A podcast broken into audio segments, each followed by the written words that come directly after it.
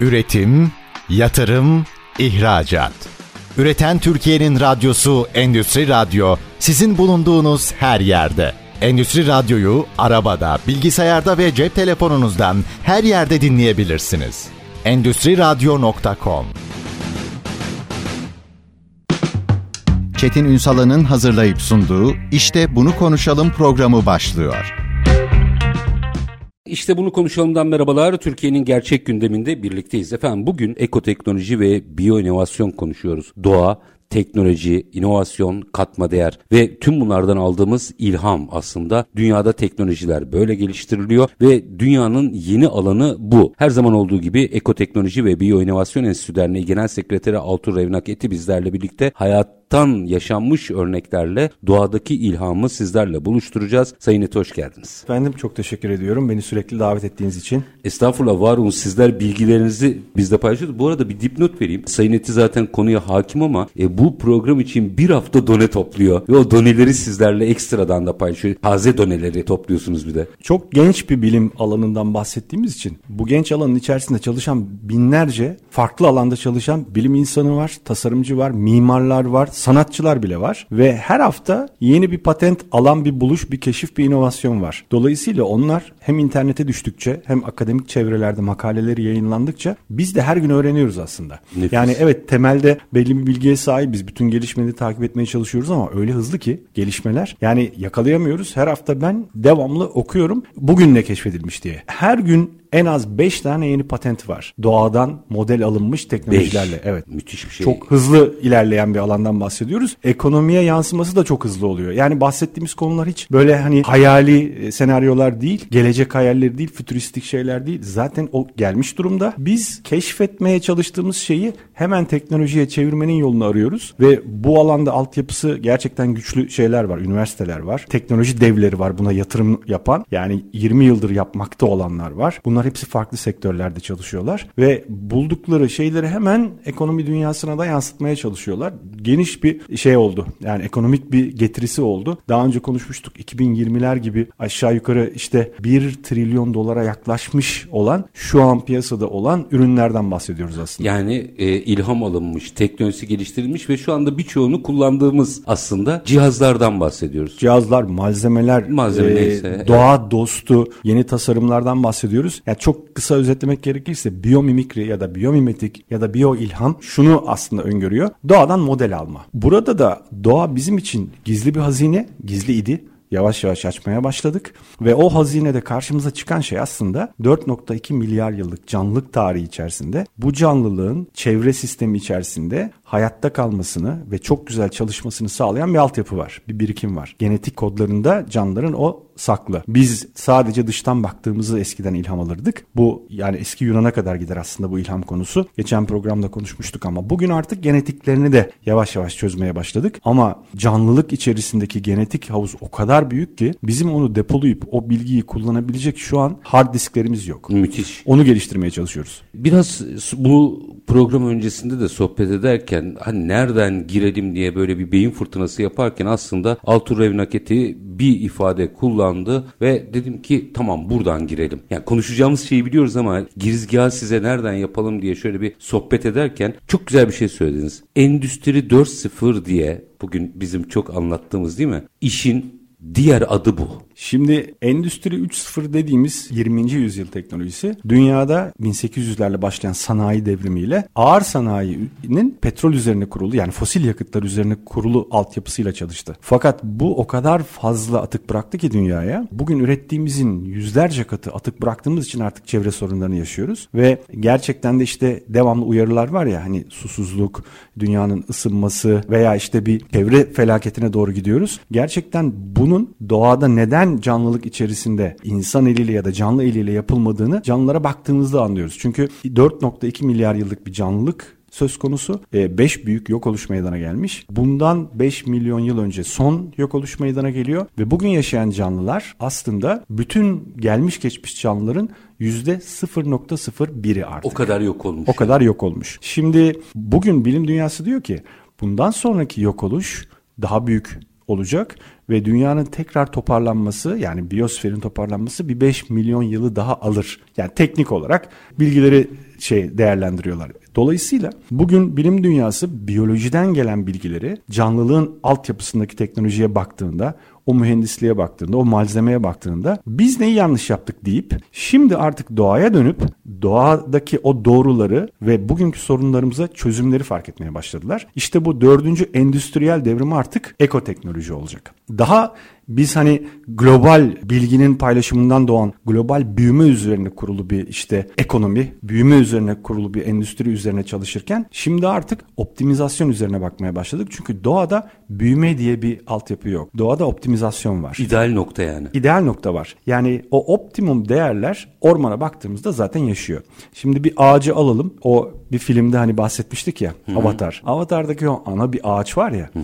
O ağaç aslında doğru bilimsel bilgilerden ilham alınarak yapılan bir senaryo üzerine kurgulandı. Aslında ağaç gerçekten bir ekosistem kendi başına ve ağacın etrafında milyonlarca canlı yaşıyor. Çiçekler, bitkiler, böcekler, mikroorganizmalar, bakteriler ve mantarlar. Bunların her biri başka canlılar. Bu her biri başka canlılar birbiriyle bakın çok önemli bu rekabet etmiyorlar. Şimdi bu çok önemli bir bakış açısı. Bizim eski biyolojiden gelen bilgiyle sosyal hayatımızı ve ekonomik dünyamızı değerlendirmemiz tamamen yanlıştı. Yanlış olduğunu bugün bilim dünyası kabul edip onun üzerine yeni değerlendirmeler yapıyor. Neden? Çünkü biz her şeyi rekabet üstüne ve büyüğün küçüğü yutması, güçlünün ayakta kalması üzerine kurgulamıştık. Bunun tamamen yanlış olduğunu doğadan gördük. Peki Endüstri 4.0'da neden bahsediyoruz? Paylaşım ekonomisi. Tamamen paylaşım ekonomisi. İşte eşittir bu. Evet. Yani birlikte yaşama, birlikte birbirini ayakta tutma, hayatta kalmak için o işte tüketilmemesi için bütün şeyin sonra ürünlerin, gıdanın, oksijenin, suyun, herkesin ihtiyacının karşılanması için birlikte böyle bir simbiyo bir hayat aslında gözümüze çarpıyor doğada. Bunu taklit ettiğimiz takdirde şehirler de çok güzel yaşar. İnsanlar da onun içerisindeki bütün canlılar da birlikte hem hayatta kalır hem de daha rahat bir hayat sürer. Yani aradaki eşitsizlikler de doğayı taklit ettiğimizde aslında ortadan kalkacak. Yani doğanın ahlakını bile taklit etsek aslında dünyada bugünkü o vahşi materyalist anlayış tamamen ortadan kalkıyor. Yani eskiden bireyin ayakta kalması anlatılırdı.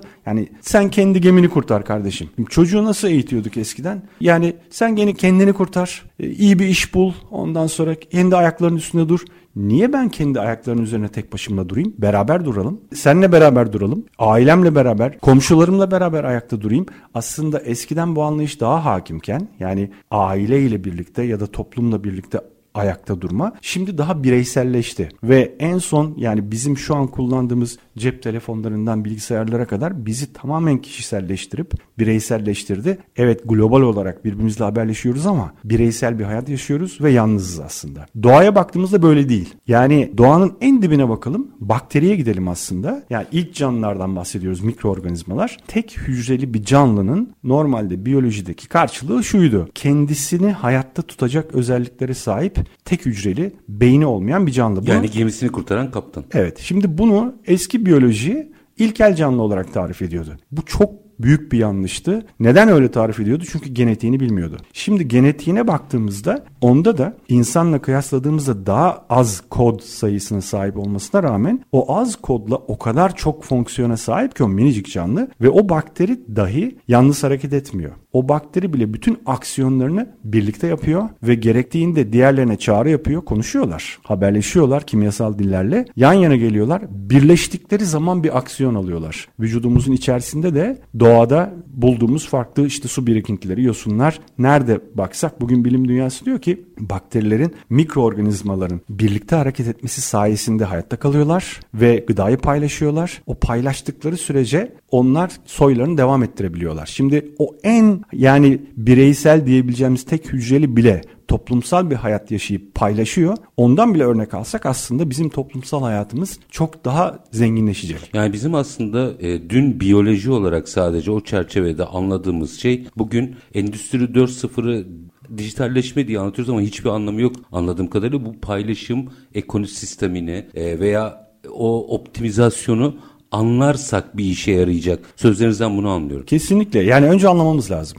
Bir kere doğada sistem nasıl çalışıyor? Canlılar nasıl hayatta kalıyorlar? Kendi faaliyetlerini nasıl sürdürebiliyorlar? O sürdürülebilirlik için doğaya atık da bırakmadan, zarar vermeden sorunları nasıl çözüyorlar? Onlar da çünkü bizden çok daha fazla sorun yaşıyorlar. Şimdi düşünün ki insan vücudundaki hücre sayısının 100 katı bakteri yaşıyor. Şimdi şöyle düşünelim. Bu bakteriler başka canlılar. Yani bizden başka canlılar ama vücudumuzun hücrelerinin en az 100 katı sayıya sahipler. Genetiğimizin en az 100 katı koda sahipler vücudumuzda. Biz miyiz kendimizin sahibi, bakteriler mi dediğimizde onlar bizim çok daha büyük parçamızı Tabii. sahipler. Ama ne yapıyorlar? Vücut ayakta kalsın, hayatta kalsın diye bizim için çalışıyorlar aslında. Onlar gemi batmasın diye çalışıyor ama bizim kendi hayat tarzımız ve ekonomik anlayışımız ülkemiz ayakta kalsın ya da dünya ayakta kalsın, doğa ayakta kalsın diye değil, ben ayakta kalayım diye. Bu tamamen yanlış bir anlayış. Aslında bizim olması gereken ahlaki anlayışımız da bu olması gerekirken ama böyle davranmıyoruz. Bu 20. yüzyılın daha doğrusu 19. yüzyılın anlayışıydı. O savaşlar döneminde hani güçlünün ayakta kalması üzerine kuruluydu. Aslında yani bakın ganimet ekonomisinden biraz daha modern olmuş oraya evrilmişiz. Şimdi daha Dönüyoruz. da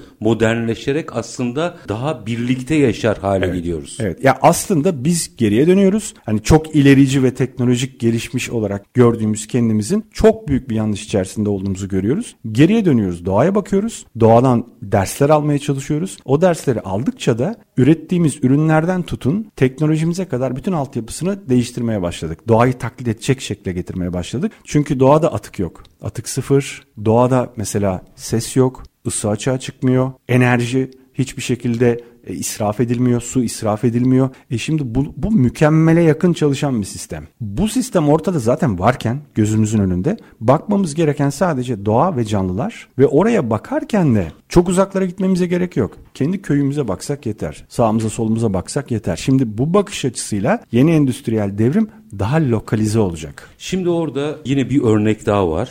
Bir araya gidelim gelelim. Hani bu entelektüel çerçevede tartışılıyor diye düşünebilirsiniz. Hayır, yeni şirket yapıları böyle oluşuyor. Şimdi bunun örneğiyle devam edeceğiz ama minik bir aranın ardından Altur Revnak Eti'den yine çok bildiğimiz bir ülkede ki şirket yapılanmasını veya kümelenmesini. Bakın biz kümelenme diyoruz ama aslında oralara oralara gitmeye çalışıyoruz alacağız. Somut örneğini alacağım biraz sonra bunun Ekoteknoloji ve Biyoinovasyon Enstitüsü Derneği Genel Sekreteri Altur Revnak Eti'den. İşte bunu konuşalım diyeceğiz. Ama kısa bir ara lütfen bizden ayrılmayın. Üretim, yatırım, ihracat. Üreten Türkiye'nin radyosu Endüstri Radyo sizin bulunduğunuz her yerde. Endüstri Radyo'yu arabada, bilgisayarda ve cep telefonunuzdan her yerde dinleyebilirsiniz. Endüstri Radyo.com Yeniden işte bunu konuşalım da kısa bir aradan sonra sizlerle birlikteyiz. Bugünün mottosunu tekrarlıyorum. Endüstri 4.0'ın tercümesi ekoteknolojidir. Söyleyen Ekoteknoloji ve Biyoinovasyon Enstitüsü Derneği Genel Sekreteri Altur Revnak Eti aslında doğadan verdiği paylaşım ekonomisine atık yönetimine kadar birçok kavramın bugünün dünyasında Endüstri 4.0'ın içerisinde anlatılan yeni ekonominin kavramlarıyla uyuştuğuna da dikkatinizi çekerim. Biraz daha sahaya girelim. Şimdi bazı kavramların geliştiğinden bahsediyorsunuz ama ilk önce üretilenden bir tık öteye gideyim üretenler. Artık komin üretim alanlarından bahsediyoruz dayanışan. Açalım mı orayı biraz? Olur. Örneklere gidelim diyoruz değil Lütfen. mi? Şimdi bizim ekonomimiz lineer büyüdü. Yani düz çizgi halinde. Bizim yani o düz çizgi halinde büyüme dediğimiz biz üretip tüketip atık bırakıyoruz. Böyle bir düz çizgi var ve o doğayı bozuyor. Hı hı. Şimdi peki doğada da üretim var ve sürekli var. Bütün canlılar bir şey üretiyor ve onlar da bir başkasının ürettiğini ya da atığını alıp onu çeviriyorlar. Yani çevrimsel, sirküler diyoruz biz ona. Döngüsel bir üretim var. Orada da bir tüketim aslında yok. Yani sıfıra yakın hatta sıfır atık var. Dolayısıyla birinin atığını biri temizlediği için, birinin ürettiğini de bir başkası kullandığı için bunlar beraber yaşıyorlar, yan yanalar. O yan yana lokal böyle küçük yerlerde döngüsel bir ekonomi kurmuşlar kendilerine. Doğada. Doğada. Ağaç ve etrafında yaşayan canlılar bunun en güzel şehir örnekleri. Hı hı. Bundan örnek alınıp da geliştirilmiş şehirler var bugün. Kurulmaya başlandı. Bunlardan bir tanesi Eden Project diye bir proje. Bu İngiltere'de ve çok turistik ve aynı zamanda da deneysel bir şey alan burası. Bir tür laboratuvar yani. Bir tür laboratuvar gibi. Buranın böyle kubbe yapısı altıgenlerden oluşan cam değil ama enteresan bir malzeme kullandılar. Camdan daha hafif, daha güçlü bir polimer var. Adı bu, bu bir etilen tipi. Bu da doğadan model alınmış bir şey aslında malzeme. Tetra floretilen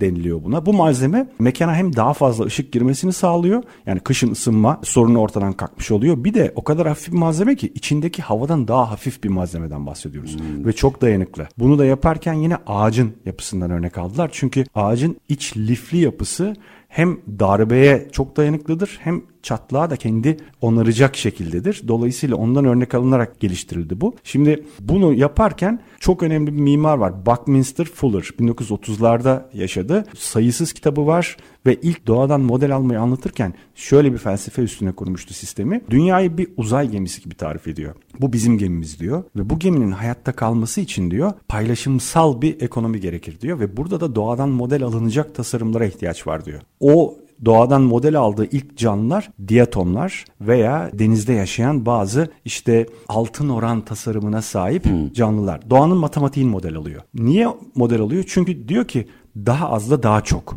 felsefesini uygulayacağız diyor. Daha az malzemeyle daha çok fonksiyona sahip evler, arabalar, uçaklar geliştireceğiz diyor. Hatta çok böyle radikal fikirleri var. Denizler ve topraklar diyor sahiplenilmemeli aslında diyor. Canlılar ne yapıyor evini kurarken diyor. Canlı evini kuruyor ama bir zorluk yaşarsa veya işte bir doğal sıkıntı yaşarsa evini başka yere taşıyor diyor. Dolayısıyla biz evlerimizi taşıyabilmeliyiz diyor. Aslında şu anki biraz karavan Demin sistemini şey yapıyor, öneriyor ve o hep o altıgenleri kurgularken matematiksel olarak en dayanıklı, çok az malzeme kullanılan, kolay ısınan, ışığı alabilecek ve etrafında da bitki örtüsüyle o işte ekonomik döngüyü sağlayacak altyapılar kurma üzerine çalışıyor. Bu EDEN projesi içerisinde de bunların hepsi kurgulanmış. Burada döngüsel bir ekonomi kurgulanmış ve burada atık sıfır. Devamlı insanlar gelip gidip orada araştırmalar yapıyorlar ve çok ciddi çıktıları var. Bir başka yine bu tarz bir küçük şehir diyebileceğimiz Kalundborg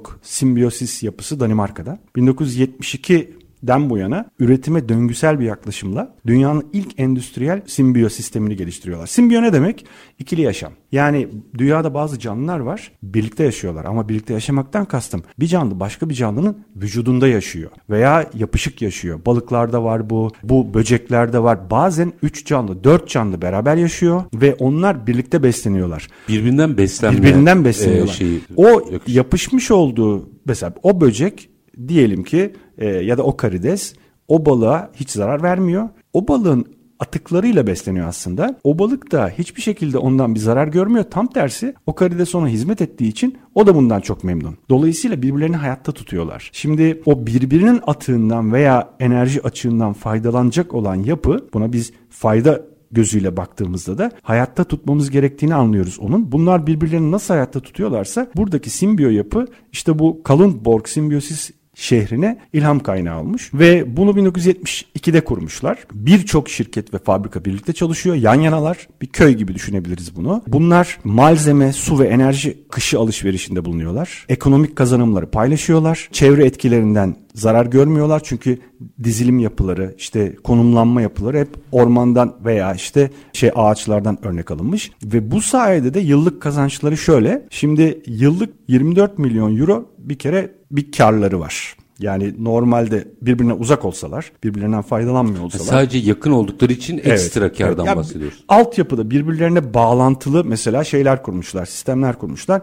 Birinin atığını biri kullanıyor, birinin su atığını bir başkası kullanıyor. Birinin mesela ısıttığı, üretirken ısıttığı o ısıdan borular yoluyla bir diğeri faydalanıyor. Yani aslında bir büyük ev gibi bir yani sistem birinin kurmuşlar. atığı, diğerinin girdisi. Gir, aynen öyle çalışıyor. Şimdi sosyoekonomik kazanım yılda demin ne demiştik 24 milyon bir defa bir karları var. 14 milyon euro da ses sosyoekonomik bir karları var. 635 bin ton karbon emisyonundan kurtuluyorlar. Çünkü onu temizleyen sistemleri kurmuşlar. 3.6 milyon metreküp su atığından kurtuluyorlar. Yıllıktan bahsediyorum. 100 e, gigawatt enerji içeride kalıyor.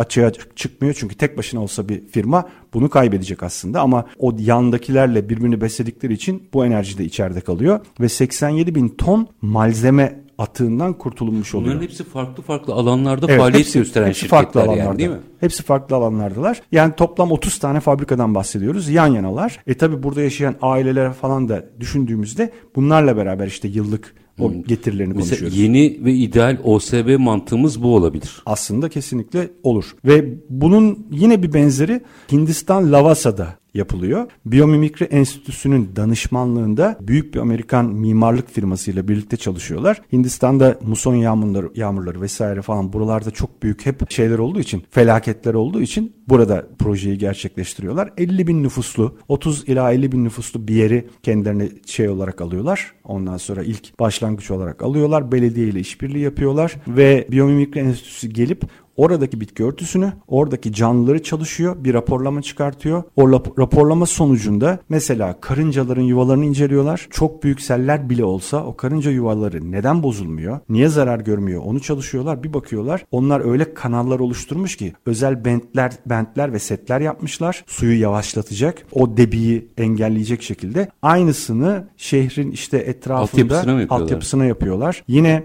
ağaçların ve o bitki örtüsünün suyu çekme yöntemleri kaldırımlarda uygulanıyor, kanallarda uygulanıyor. Muson yağmurları bastığı zaman o suyu nereye alıp ondan sonra o suyu tekrar temizleyerek o şehirde kullanacak şekilde bir altyapı oluşturuyorlar. Güneş enerjisinden faydalanıyorlar. Çok başarılı çıktılar sağlıyor Hindistan'daki bu projede. Bunlar hep şu an çalışıyor. Şimdi şey değil yani bunlar proje değil. Hayır, çalışıyor. Bunlar çalışıyor. Bunlar hep bahsettiğim son 20 yılın projeleri. Hep ilerleme konusu var bunun içerisinde ama bunun içinde çok farklı kullanılmış teknolojiler de var. Mesela atık temizleme veya su yani kirli suların temizlenmesiyle alakalı yosunların, sazlıkların ve bataklıkların suyu nasıl filtre ettiği üzerine çalışıyorlar ve aynı sistemleri belirli tanklar içerisinde bu şehirlere kurguluyorlar. Ve bu sayede hiçbir kimyasal kullanmadan suyu neredeyse içilebilecek hale getiriyorlar. Kompost tarafını alıp tarlalarda kullanıyorlar. Su tarafını tekrar şehirlerde kullanıyorlar. Sadece şey temiz su olarak temiz su olarak kullanıyorlar. Evet. Yani dolayısıyla %100 çevrim var. Yani buralarda. Böyle hani %50 %60'lardan bahsetmiyoruz. Şimdi yine böyle bir şehri kurduk. Ne üreteceğiz? Dördüncü endüstriyel devrimde bahsedeceğimiz en önemli konulardan bir tanesi malzemeyi üretmek yerine yetiştirebileceğiz. Çok enteresan bir kavram. Biraz açı, yani şey bu arada tarımdan bahsetmiyor. Tarım dahil tabii de. Tabii. Çok güzel bir tanımı var. Mobilya yetiştirmekten bahsediyor. Evet. Mesela evet. en uç örnek. Evet. Nedir bunu biraz açar mısınız? Açayım. Şimdi bakteri, yosun, mantar ve maya bunlar çok önemli canlılar. Bize yardım edecek. Dünyada çok bulunan her yerde kolaylıkla yetiştirilebilecek, çok hızlı çoğalan. Bunların hepsi bizim doğal plastiklerimiz olacak aslında. Şimdi düşünelim biz neden bu kadar atık bırakıyoruz? Daha önceki programlarda söylemiştik. Biz 300 polimer kullanıyoruz. Polimerden kastımız biz fosil yakıtlardan dönüştürüp de kimyasalları malzeme üretiminde kullanırken 300 tane polimer kullanarak bu malzemeleri yaptık ve bu çok fazla atık bıraktı. Doğaya bir dönüp baktık. Bilim insanları bir baktılar. Doğadaki canlılığın bütün malzemesi 5 polimerden yapılmış. Yani Allah 5 tane malzeme kullanmış. Biz 300 malzeme kullanmışız daha iyi olacak diye olmamış. Şimdi orada o 5 malzeme bize haydi haydi yetiyor. Peki benim plastiğim kadar dayanıklı olacak mı? Daha dayanıklı olacak. O 5 polimerin içinde kitin, keratin, rezilin öyle malzemeler var ki biz kendi bilimsel bilgimizle, teknolojik bilgimizle onları kompozit malzemeler haline getirip sıfır atıklı malzeme üreteceğiz. Nasıl, nasıl yapacağız bunu? Örneğin tekstilde kullanmak üzere pamuğu aylarca tarlada yetişmesini bekliyorsun. Bekliyorsun önce o pamuk yetişecek. Bir sürü su kullanıyorsun tarımda. Tabii ki kullanacağız. Tarım bir taraftan devam edecek ama gıda tarafında devam edecek. Biz tekstilde ne yapacağız? Şimdi laboratuvarda birkaç günde bakterilerin fermente selüloz üretimiyle kıyafet, ayakkabı, ondan sonra biyokumaş, biyoderi üretilebiliyor artık. Laboratuvarda üretiyoruz. Ve 5 ay bekledik, ürün yetişti. Ürünü işledik. İşlerken enerji kullandık. Su kullandık. Su kullandık. Mesela, Onu naklettik. Bir yere gönderdik bir maliyet. Gitti iplikleri çekildi. O iplikler bir fabrikada enerji kullandı. Aylarca süren bir süreç ve bundan sonra tabii ki fiyat şuyken bu oldu. Ama ben laboratuvarda öyle bir sistem kuruyorum ki şu an var. 3 gün içerisinde kumaş üretebiliyorsun. Yetiştiriyorsun kumaşı. Ve istediğin gibi. Ve istediğin gibi. Tasarımı sana ait. Renkleri istediğin gibi oluyor. Kimyasal boya bile kullanmadan yapabiliyorsun. Bu teknolojileri de artık biliyoruz. Deri üretebiliyorsun. Hayvan kesmeden deri üretebileceğiz. Veganlar bağırıp duruyor ya. Tamam üretelim o zaman ve bu hiçbir canlıya zarar vermeyecek. Bunda da ne kullanacağız? Bakteri, yosun, mantar ve maya. Şimdi biyofabrikasyon için dünyada ürün geliştiricileri bu konuda en çok mycelium mantarını kullanmaya başladılar. Ne yapıyorlar biliyor musunuz? 3D bir kalıbı alıyorlar. Mısır sapı ve keneviri bakın kenevir çok önemli. Kenevir çok özel bir yapıştırıcı malzeme çünkü. Onlardan bir tanesi. Şimdi ve suyu koyuyorlar. Bir kalıbınız var. İçine mısır sapı, sap da aslında atıktır yani. Hı-hı. Yani o kenevirin de atık kısmını aldı. Saman gibi olacak onlar. Talaş gibi düşünelim. Suyun içine attık. Şimdi 2-3 gün sonra kalıbı söküyorlar. Artık biyoplastik bir malzemeniz hazır. Şimdi bu biyoplastik malzemenizden mobilya yap, ambalaj yap, telefon kılıbı yap, ayakkabı yap, yer kaplamasında kullan, kaldırımda kullan, bank yap. Çünkü mukavim. Çünkü çok mukavim. Bunu birazcık daha açalım mı? Bu sanıyorum herkesin yeni üretim modelini de burada kurgulaması gerekiyor. Birazdan neler yaptıklarını merak ederim açalım. Ama minik bir araya gidelim yine. Aranın ardından ürün üretmekten değil, ürün yetiştirmekten bahsediyor Sayın Eti. Yani dünya bundan bahsediyor. Endüstri 4.0'ın bir ayağı olarak. Bunu birazcık daha nitelendireceğiz. Gördüğünüz gibi mukavim malzemesini kendi üretiyor ve her alanda kullanabiliyor. Evet. Peki biz buradan ne ders çıkarmalıyız? Hemen aranın ardından Ekoteknoloji ve Biyoinovasyon Enstitüsü Derneği Genel Sekreteri Altur Revnak Etti'ye soracağım. Kısa bir ara lütfen bizden ayrılmayın. Üretim, yatırım, ihracat. Üreten Türkiye'nin radyosu Endüstri Radyo sizin bulunduğunuz her yerde. Endüstri Radyo'yu arabada, bilgisayarda ve cep telefonunuzdan her yerde dinleyebilirsiniz. Endüstri Radyo.com Kısa bir aranın ardından işte bunu konuşalım demeye devam ediyoruz efendim. Konuğumuz Ekoteknoloji ve Biyoinovasyon Enstitüsü Derneği Genel Sekreteri Altur Revinak etti. Endüstri 4'ün aslında tercümesi ekoteknolojidir diyor. Ve en son ürünü üretmekten değil. Daha doğrusu iki şey söylediğiniz o bir öncekinde bence çok önemliydi. Birbirini tamamlayan üreticilerden oluşan hub'lar yani yeni OSB'ler belki de. Doğru. Farklı sektörlerde de olsa. İkincisi ürünün artık üretilmesi, malzemenin üretilmesi değil, ürünün yetiştirilmesi. Bununla ilgili aslında bir minik bir alanda yapılabilecek mukavim malzemeden, tekstilden yola çıktık. O malzemeden ister mobilya üret, ister elbise üret diyerek virgül attık. Sonra? Şimdi bir kere atık bırakmamak istiyoruz. Az enerji harcamak istiyoruz ve lokal bir ekonomi oluşturmak istiyoruz. Yani herkesin büyük şehirlere göçmesi yerine küçük alanlarda, küçük yerlerde, bir köyde, bir kasabada belli bir üretimi merkeze koyup Orada aslında bir ekonomi oluşturmak istiyoruz. Bunun için malzeme doğada hazır. Doğada böyle bir ağacın kenarında sistem nasıl çalışıyor inceleyelim. Ondan model alalım. Her sektöre buradan ilham kaynağı var. Biz malzeme üretmeyi şimdi bir örneklendirdik. Şu an birçok fabrika dünyada bu doğal plastik, biyoplastikler üretmeye başladı. Şimdi biyoplastikler bir taraftan zararlı kimyasalların kullanımını ortadan kaldıracak. Bir de şimdi ben tabii bunu ilk duyduğumda demiştim ki ya o kadar dayanıklı değildir abi. Ha şimdi konuşuyoruz aramızda. Ya plastik kadar dayanıklı değildir. Meğerse çok daha kat kat daha dayanıklıymış. Çok daha üstün özelliklere sahipmiş. Çünkü onlar 4 milyar yıldır hayattalar. O kabuklar, o karideslerin kabukları, abalon denilen istiridyenin kabuğunun mukavemeti bugün işte ağır zırhlarda kullanılıyor ondan örnekler. Çok daha hafif olmasına rağmen ve bunlar bizim fabrikalarımızda çok yüksek ısılarla üretilen ürünler gibi değil. Hava sıcaklığında ya da su soğukluğunda üretilen şeyler. Orada istiridyenin kabuğunu kullanmıyorlar. Oradaki yapıyı çözüp yapıyı malzeme çözüp, üretiyorlar. Benzer malzeme Hı-hı. üretiyorlar. Hepsi doğal. Burada hiçbiri atık bırakan malzemeler değil. E şimdi şöyle düşünelim. Bu malzemeler, şimdi doğadaki malzemeler mesela su geçirmez olanlar var. Hı hı. Ya suyu tamamen iten özelliklerde olanlar var. Nano kumaşları falan tabii, yaşadık hayatımızda. Tabii. hidrofobik diyoruz buna. Bir de suyu çekenler var. Yani farklı kullanım alanlarında kullanabileceğimiz ilham kaynağı canlılar var. Yangın geciktiriciler var. Mesela mantardan yapılmış malzemeler bizim doğal malzemelerimizden 5 kat daha da yangına dayanıklı. Hani daha kolay yanar diye düşünüyoruz ama tam tersi çıkıyor. Suya işte neme çok dayanıklılar, geçirmiyorlar. Dolayısıyla izolasyonda çok güzel kullanılabilecek Yeni yalıtım malzemeler. malzemeleri demek ki bunlar. Bizim plastiklerimiz bin yılda doğada zor erirken mantardan yapılmış plastik bir kere doğal gübredir.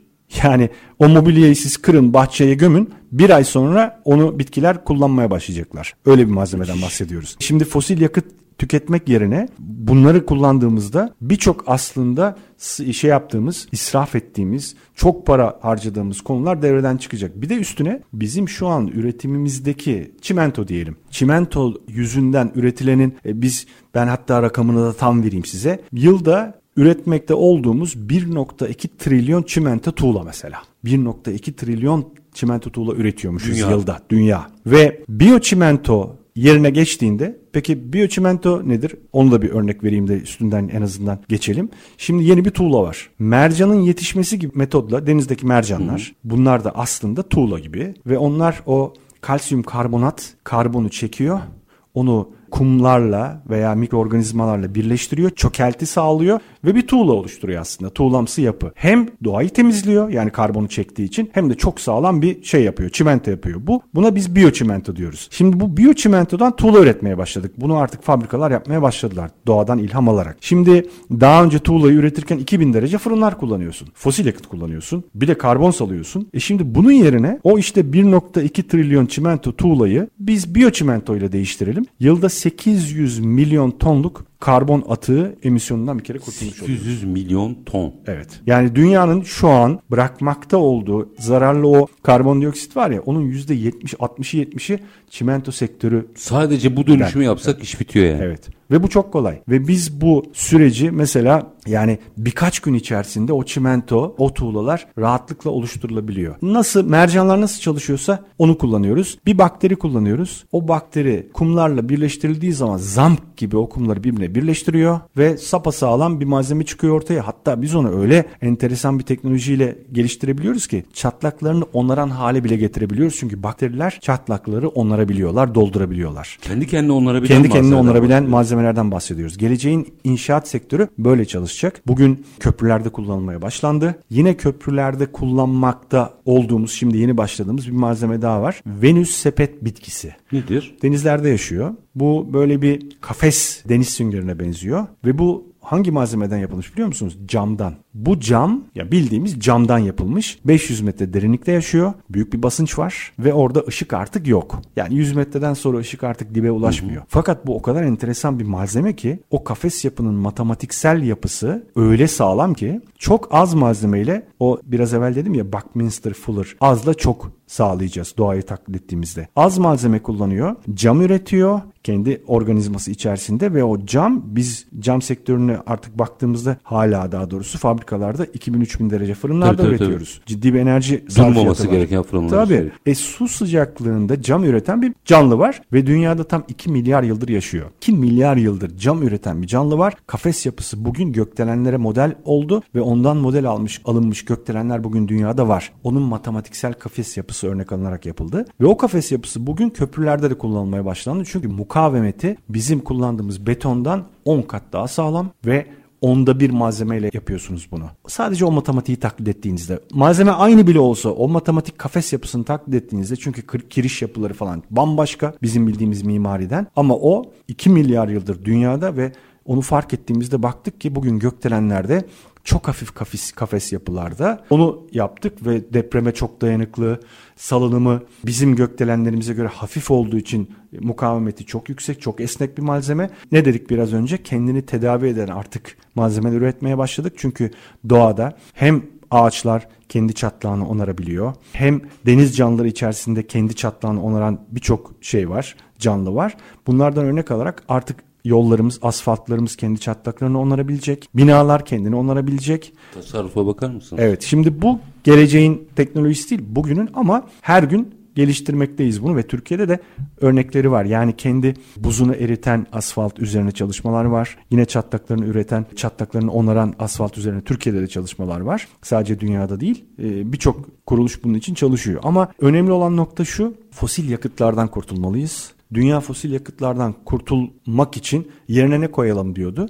E doğadaki kullanılan enerji neyse onun aynısını kullanmak gerekiyor. Yani ne kullanıyor canlılar? Fotosentez üzerine kurulu bir defa. Elektrik, suyu kullanıyorlar ama suyu çok iyi dönüştürdükleri için sarf etmiyorlar. Havadaki enerjiyi kullanıyorlar. Birbirleriyle haberleşmek için de onu kullanıyorlar ve doğadan model alacağımız enerjinin kullanımı da bizim için ilham kaynağı olacak. Ve bahsettiğimiz şey şimdi hani lineer büyüme, büyüyelim büyüyelim büyüyelim ama bıraktığımız atık o büyüme konusunda bizi artık yani bir yerde durmamız lazıma getirdi. Yok etmeye götürüyor. Yok etmeye götürüyor çünkü. E, aslında o optimizasyon yani doğru ölçekte yapılmış çevrimsel ekonomi çok daha fazla insanı besleyecek, atık bırakmayacak. Hepsi doğa dostu olacak onun içerisinde kullanılanlar ve bu gerçekten birlikte hareket ettiğimiz takdirde o vücudun hayatta kalmasını sağlayacak. Vücut dediğimiz şey dünya. Bu bütün anlattıklarınız aslında bazı şeylerin bakın nasıl yerine oturuyor. E işte fosil yakıtlardan vazgeçebilir miyiz? Geçemeyiz de yenilenebilir hiçbir zaman. Bu tip tezlerden neden artık nihayet aslında bunun muadil olduğu anlaşıldı ama ilk dönemde böyle söyleniyordu. Tabii. Ama bugün konuşulanların bile sadece bir tercih değişikliği değil bir sistem değişikliği Tabii. olduğunu ve bunların faraziye değil ürüne dönüşmüş endüstriler haline geldiğini anlatıyorsunuz aslında. İki dakikada şunun yanıtını alayım. Hep haftaya bir daha devam edeceğiz. Merak etmeyin. Biz şu an tek tek ürünlere giremiyoruz bile. Gireceğiz, Onlara gireceğiz tabii ki. Gireceğiz. Şunu yanıtını alarak bu haftayı bitirelim. Peki ben bir üreticiyim. Bugün bu bahsettiğiniz herhangi bir ürünün üreticisiyim ezberimi nerede bozmalıyım? Çünkü bu anladığım kadarıyla 30 sene sonranın mevzusu değil. 3-5 sene sonra evet. hayatımızda normalleşmiş mevzular olacak evet. bunlar ezberimi nerede bozmalıyım? Şimdi biz tamamen konvansiyonel endüstri altyapısına uymaya çalışıyoruz. Ama dünyada bugün yani en azından hani Amerika'ya gidelim ya da uzak doğuya gitmeye başlayalım. Bugün dünya yeni sektörler ya yeni inovasyonları desteklerken artık şunu da koymaya başladı.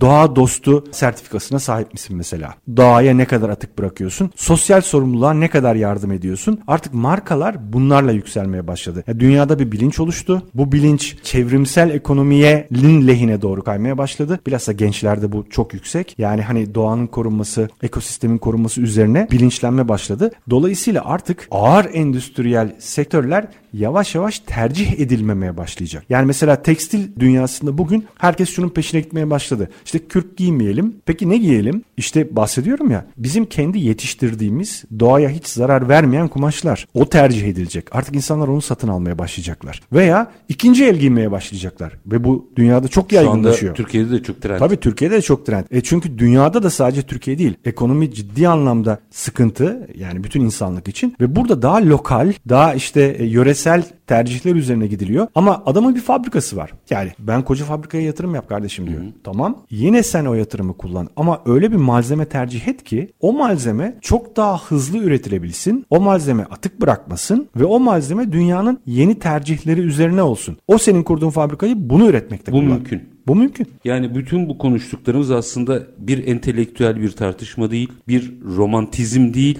birebir bugün üzerinde bilimsel olarak zaten çalışılan ama endüstriye dönmüş, ürüne dönmüş, dünyada artık sektörlerin yavaş yavaş kullandığı malzemelerin ana eksenini oluşturan yapılardan bahsediyoruz. Yani size bir fütür çok güzel bir şey söyledi Altur Ravinaketi. Fütürizm yapmıyoruz böyle işte gelecekte şöyle olacak falan. Bugün olanı anlatıyoruz. Daha az duyulduğu için belki duymamış olabilirsiniz ama Altur Ravinaketi ile biz bunları sizler için konuşmaya devam edeceğiz. Bitirmeden ben bir şey ekliyorum. Lütfen. En son Steve Jobs hayattayken teknolojinin gelişmesi gelişmesine en çok faydası olmuş insanlardan bir tanesi. Diyor ki 21. yüzyılın en büyük yeniliklerinin biyoloji ve teknolojinin kesişiminde olacağını düşünüyorum diyor. Ve manşeti atıyor. Ekoteknoloji ve Biyoinovasyon Enstitüsü Derneği Genel Sekreteri Altuğ Revnaket'i çok çok teşekkür ben ediyorum. Ben teşekkür ediyorum. Steve Jobs'ı anlamak lazım. Anlamaya çalışacağız. Haftaya cuma kısmetse Allah nasip ederse evet. yine burada olacağız. İnşallah. Bunları konuşacağız. Daha bakın ürünlere böyle ucundan giriyoruz. Ürün ürün konuşacağız. Belki sizin sektörünüzün ürününü konuşacağız. Büyük dönüşüm var ve bunlar yarım asır sonrasının değil. 3-5 sene sonrasının önünüzde bulacağınız, yaygın olarak önünüzde bulacağınız gerçekleri bizler biyo inovasyonu, ekoteknolojiyi konuşmaya devam edeceğiz. Ama şimdi her zamanki gibi bitirelim. İşinizi konuşun, işinizle konuşun konuşun. Sonra gelin işte bunu konuşalım. Hoşçakalın efendim.